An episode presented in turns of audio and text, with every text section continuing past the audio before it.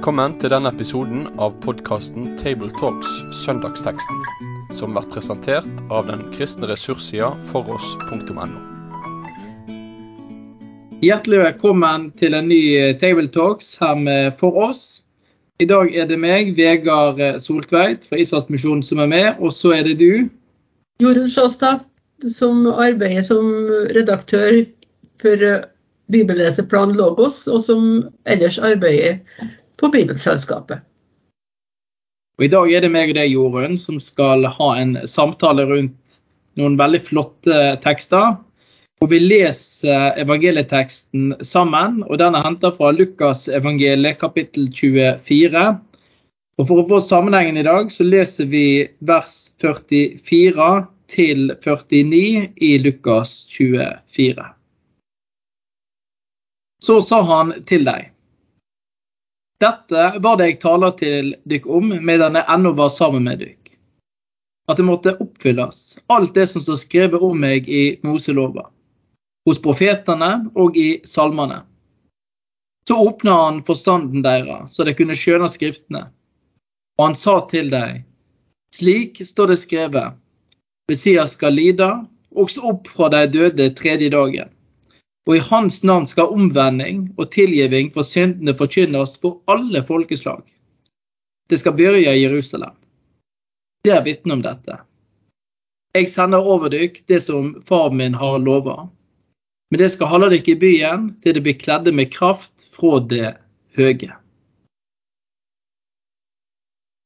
Det var teksten. Og så er det noen lesetekster i dag òg, så du godt kan Slå opp og lese hvis du vil. Det er fra Jesaja kapittel 6 vers 1-8. Og så er det apostlenes gjerninger kapittel 17 22-34. Og Vi kommer til å være innom de tekstene òg, men vi leser de ikke. Jorunn, nå er vi jo kommet eh, Det starter jo en ny epoke her på å i kirkeåret i dag. En ny type søndag. Og den har mange søndager etter seg. Det har den. Men eh, den har det viktigste bak seg. Altså Bakgrunnen for alle de søndagene som nå følger, har vi vært igjennom fra jul og påske og pinse. Så nå står Jesu disipler ved en begynnelse til en ny epoke. De skal ut og fortelle om det som skjedde i jula og påska og pinsa. Nå begynner vi treenighetssøndagene. Den treenige Gud, og så er det det som ligger, som du sier fint, Jorunn. Nå har vi vært igjennom de store høytidene. Og, og så kommer òg dette som ligger i hele Bibelen når det er snakk om høytid, at i høytidene så minnes vi noe. Og det skal ha en betydning for livet vårt i dag. Men så er det òg et framtidshåp i det. Og Det ligger jo òg veldig tydelig i denne teksten. Jesus han er med disiplene. Han går igjennom Moselova, altså fortid, for å si noe om det som har skjedd i nåtid. Og så utfordrer han de og sier nå skal dette få en betydning for livet deres framover. Eh, og Sånn sett er det jo òg med disse bibelske og jødiske høytidene som vi får være en del av. Det er både fortid, nåtid og framtid i dem. Dette med Moselova og at Jesus går igjennom hva tenker du om det, Jorunn? Altså det, det, det, står jo i en kontekst dette i, i, i Lukas. Med teksten rett før det handler jo om Emmaus-vandrerne. Og så kommer òg denne teksten mot slutten her, med at han åpner igjen skriftene. Alt det som står skrevet i Moselova.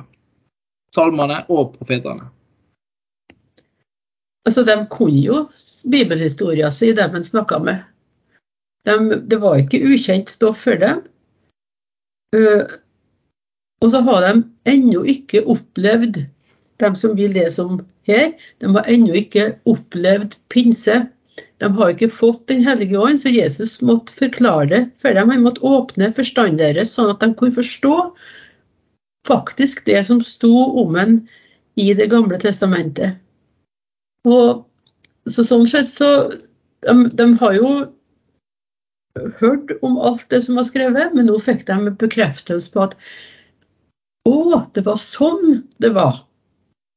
Det hadde de ikke skjønt av seg sjøl før. Så Jesus tar egentlig en liten pinse på forskudd her, da.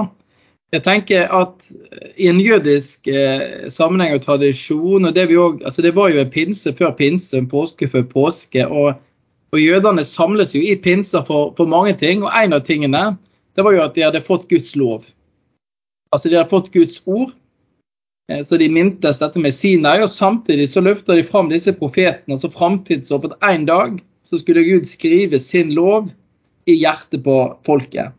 De skulle få Guds lov eh, på, på innsida, ikke bare på steintavle, men på hjertets tavle. Altså inn i livet. Og dette skulle skje ved at Gud eh, utøste sin ånd.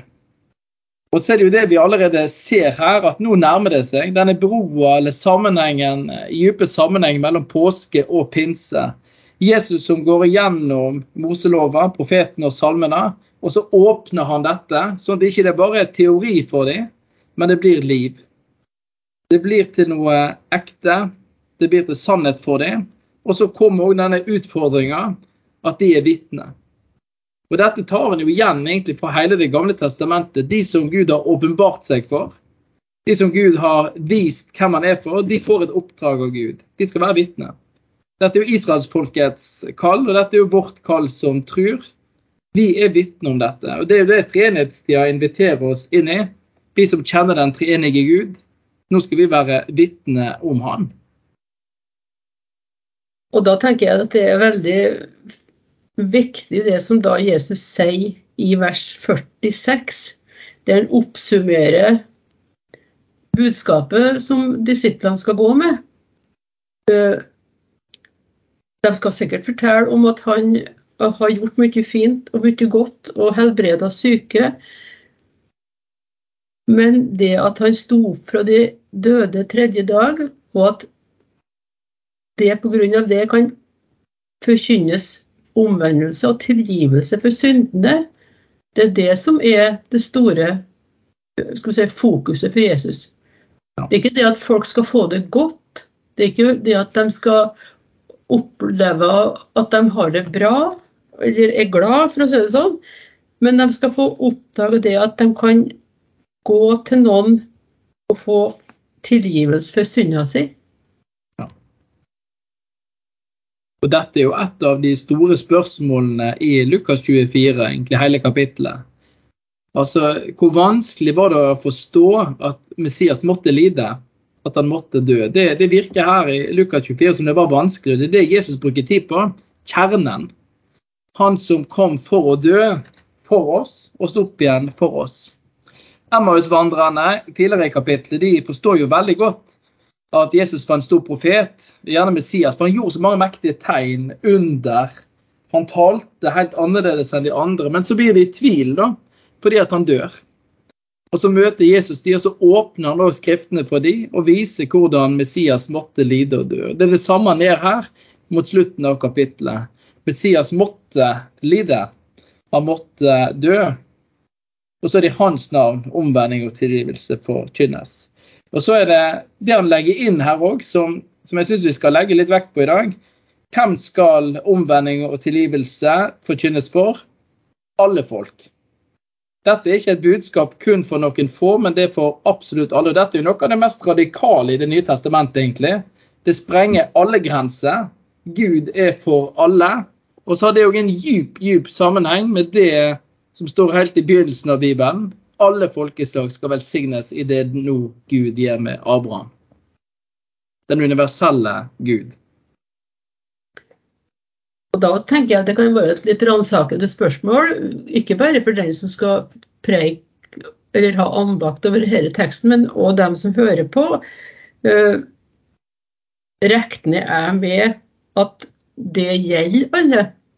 Er det noen som det er enklere å fortelle det dette til, eller er det noen det er vanskelig å fortelle dette til, til dem som omgås meg? Eh, jeg tror kanskje vi, vi ubevisst begrenser mm. hvem alle er.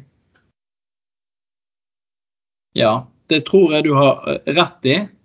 Og det er lett å tenke sånn Ja, men ikke bare alle når det gjelder folkeslag, men vi kan òg tenke litt sånn når det gjelder ja, kjønn, rikdom osv. At, vi, at vi gjør forskjell på folk.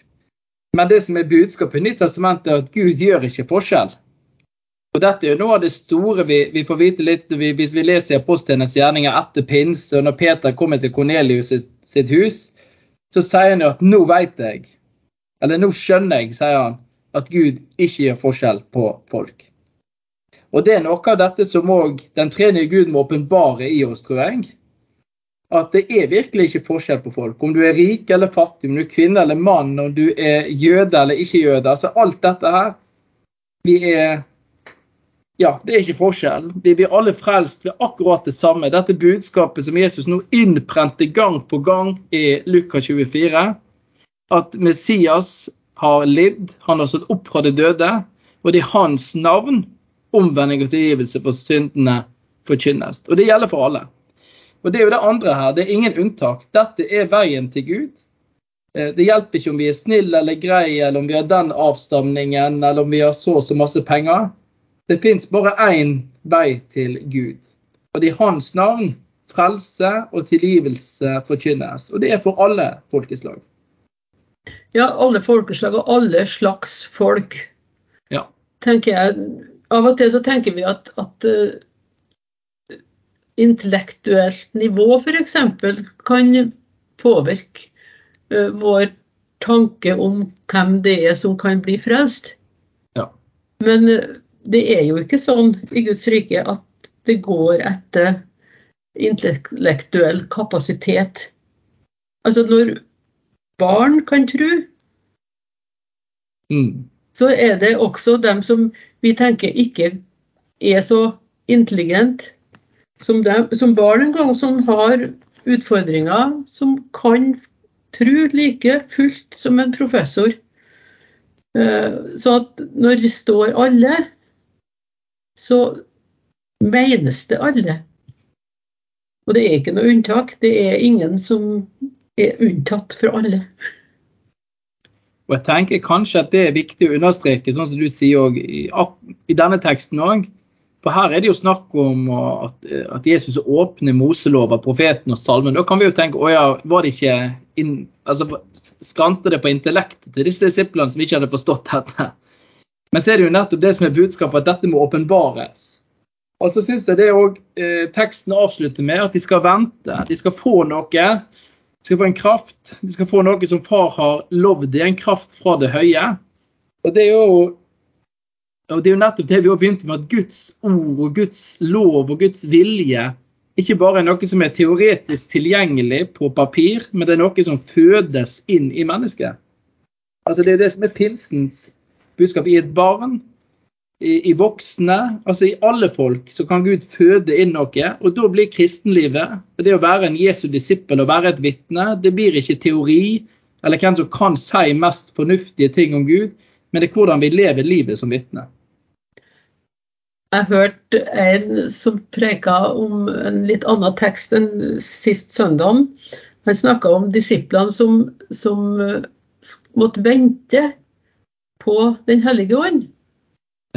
Og det han sa, var det at de har jo hørt det Jesus sa om at dere er vitner om dette. dette. Og så tenkte de ikke sånn Ja, nå, nå vet vi jo hva vi skal gjøre, så da kan vi bare sette i gang. Men de gikk tilbake og var sammen med de andre disiplene fram til Den hellige ånd kom og satte dem virkelig i stand til å gjøre det som de skulle gjøre. For de, de kunne ikke gjøre det der i det sin egen kraft. De måtte bli utrusta med kraft fra det høye for å kunne fullføre det oppdraget som Gud, som Jesus har gitt dem. Og Det tror jeg er det samme for oss òg. At uh, når vi får kallet, sånn som f.eks. vi leser om hos, hos Jesaja, han, Avslutninga på teksten om han er Se, her er, her er jeg, send meg. Ja. Uh, han kunne sikkert ha gått og hatt en god tale på egen hånd. uten å skulle si uh, følt at han var avhengig av noe mer. Men det som jeg tror disiplene opplevde, var det at fram til de fikk Den hellige ånd, så har de ikke den krafta som skulle til for å virkelig forkynne det Gud ville de skulle forkynne. Ja. Jeg tenker også det at dette er jo treenighetens søndag. og Av og til så tenker jeg kanskje er enkelt, men tenker at Gud Fader han er jo for oss. Han sender sin sønn. Han har villet oss, han har skapt oss. Guds sønn, han dør for oss. Eh, og så eh, ønsker han å være noe gjennom oss. Vi er Jesu kropp. Og så Den hellige ånd, han er i oss. Og på den måten så er jo alt til Guds ære. Altså han, eh, altså han er den som fyller oss med kraft og utruster oss til det å være vitne. Og så handler det kanskje for oss om å, å være nær han da. Og gjøre sånn som Jesaja, han som kommer, og så blir han rensa av Gud. Og så blir han kalt av Gud. Og så er Isaias respons til dette ja, her er jeg, send meg. Han som var urein, han som var uverdig, så blir han rensa og kalt. Og så kan han gi opp og respondere 'Her er jeg, send meg'. Nå kan du sende meg. Og så blir jo Isaiah Han blir et vitne. Eh, det må vi kunne si i sin tid. Og helt fram til i dag. Så kan Isaiah få være et vitne òg for oss. Og så tenker jeg en siste teksten her som, som vi kommer til, er jo den fra Postgjerningene 17. Da er Paulus ute. Da er jo dette begynt. Misjonstida. Paulus er på misjonsreise. Han kommer til denne store byen Aten. Og så ser vi jo hvordan dette utfolder seg, dette med alle folkeslag. Nå går jo Paulus virkelig opp jorden, og så snakker han til alle folkeslag i denne store filosofbyen og går opp på denne høyden på Opagos. Eh, en, Vi skulle jo brukt masse tid på den talen der, men det er én ting jeg har tenkt på. så kan du, ja, du har tenkt på noe, det er, og I denne talen så gjør Paulus mange gode eh, ja, Han henvender seg til byen, snakker om ting de kjenner, men så avslutter han med noe av det Jesus òg er inne på. Han avslutter med Jesu død og oppstandelse. Det Jesus sier her i Lukas, det er òg avslutningen til Paulus på Ropagos. Han snakker om Jesu død, han snakker om bestandelse fra de døde. Og så skaper det en reaksjon på Europagos. Noen gjør narr av han, mens andre kommer til tro. De blir fascinert, de vil høre om meg. Og så er det jo det historien òg viser oss, misjonshistorien, at dette budskapet, det å være vitne for Jesus, det kan få minst da, to personer. Noen gjør narr av oss, tenker at dette er bare tøys og tull. Og andre de kommer til tru. Og Det er jo noe uforklarlig i det òg. Hvordan det er sånn. Hvorfor det er sånn. når jeg ser på den teksten fra Areopagos-talen, så tenker jeg han tør å utfordre dem til å vende om. Mm. Og omvendelse, det er jo et ord som kanskje var brukt mer før enn det er nå. Uh, vi vet at det går an å gå i feil retning med livene sine. Ja. Og og vi, sånn som vi er av naturen, så, så, går vi jo i motsatt retning til det Gud vil. Så vi trenger å få å bli omvendt, for å si det på den måten. Og det kan vi bli når vi får høre om det som Jesus har gjort for oss. Og da kan du, sånn som han sier, Paulus, at, de, at de Gud har båret over med mange sin uvitenhet, men nå befaler han alle mennesker, hvor de enn er, at de må vende om. Og det, det tror jeg òg skal være med i preik på en sånn treenighetssøndag òg, at, at eh, det er fremdeles en utfordring som kommer fra Gud om å vende om og tenke gjennom er jeg på rett vei, eller er jeg på vei bort ifra Gud? Selv om kanskje livet mitt ser fint ut på utsida, og jeg går på møte eller gudstjeneste sånn som jeg bør gjøre, så kan det fort skje at vi tar en liten omvei. Og det tror jeg Gud vil kalle oss tilbake ifra. Det tenker jeg også. Og så tenker jeg i denne tida, når vi starter treenighetstida, så, så må vi Så syns jeg det er flott å ta opp dette òg, og det er viktig. Det kan være vanskelig. Men det ligger i alle disse tekstene her et kall om omvendelse. Og Det er jo nettopp dette, dette universelle budskapet vi hører, at det gjelder for alle mennesker. Det er jo òg eksklusivt. Fordi at det er kun én vei som gjelder for alle mennesker. Så du har både det, det inklusive, og så har du det eksklusive i dette. Og i det så ligger det òg forkynnelse til omvendelse. Omvendelse til Han, der det fins tilgivelse for syndene. Og det budskapet skal vi løfte fram, vi skal være stolt av det. Sånn som Paulus også skriver, dette trenger vi ikke å skamme oss over. Evangeliet, budskapet om Jesus, er jo faktisk Guds kraft, Guds dynamitt, som det står på Så jeg syns vi skal eh, Det er masse å glede seg til i treenighetstida. Og så er det ikke bare disse søndagene det handler om. Men disse tekstene her de handler jo mest om hva som skjer mellom søndagene, kanskje det å være vitne. Være vitne om dette i ord, i handling. Eh, møte mennesket sånn som Jesus ville møtt dem. Jeg syns det er en god måte å tenke på. Og Samtidig så må vi ikke legge skjul på det som er evangelisk kjerne. Men det må også forkynnes både i ord og handling. Jesus som dør og står opp igjen for oss. Og at i hans navn så finnes det tilgivelse for absolutt alle mennesker. Uansett hvordan han har stelt seg, hvordan han har gjort det i livet sitt. Hos han finnes det nåde, hos hans finnes det tilgivelse fortsatt i dag. Amen, sier vi til det. Takk for at du lytter på.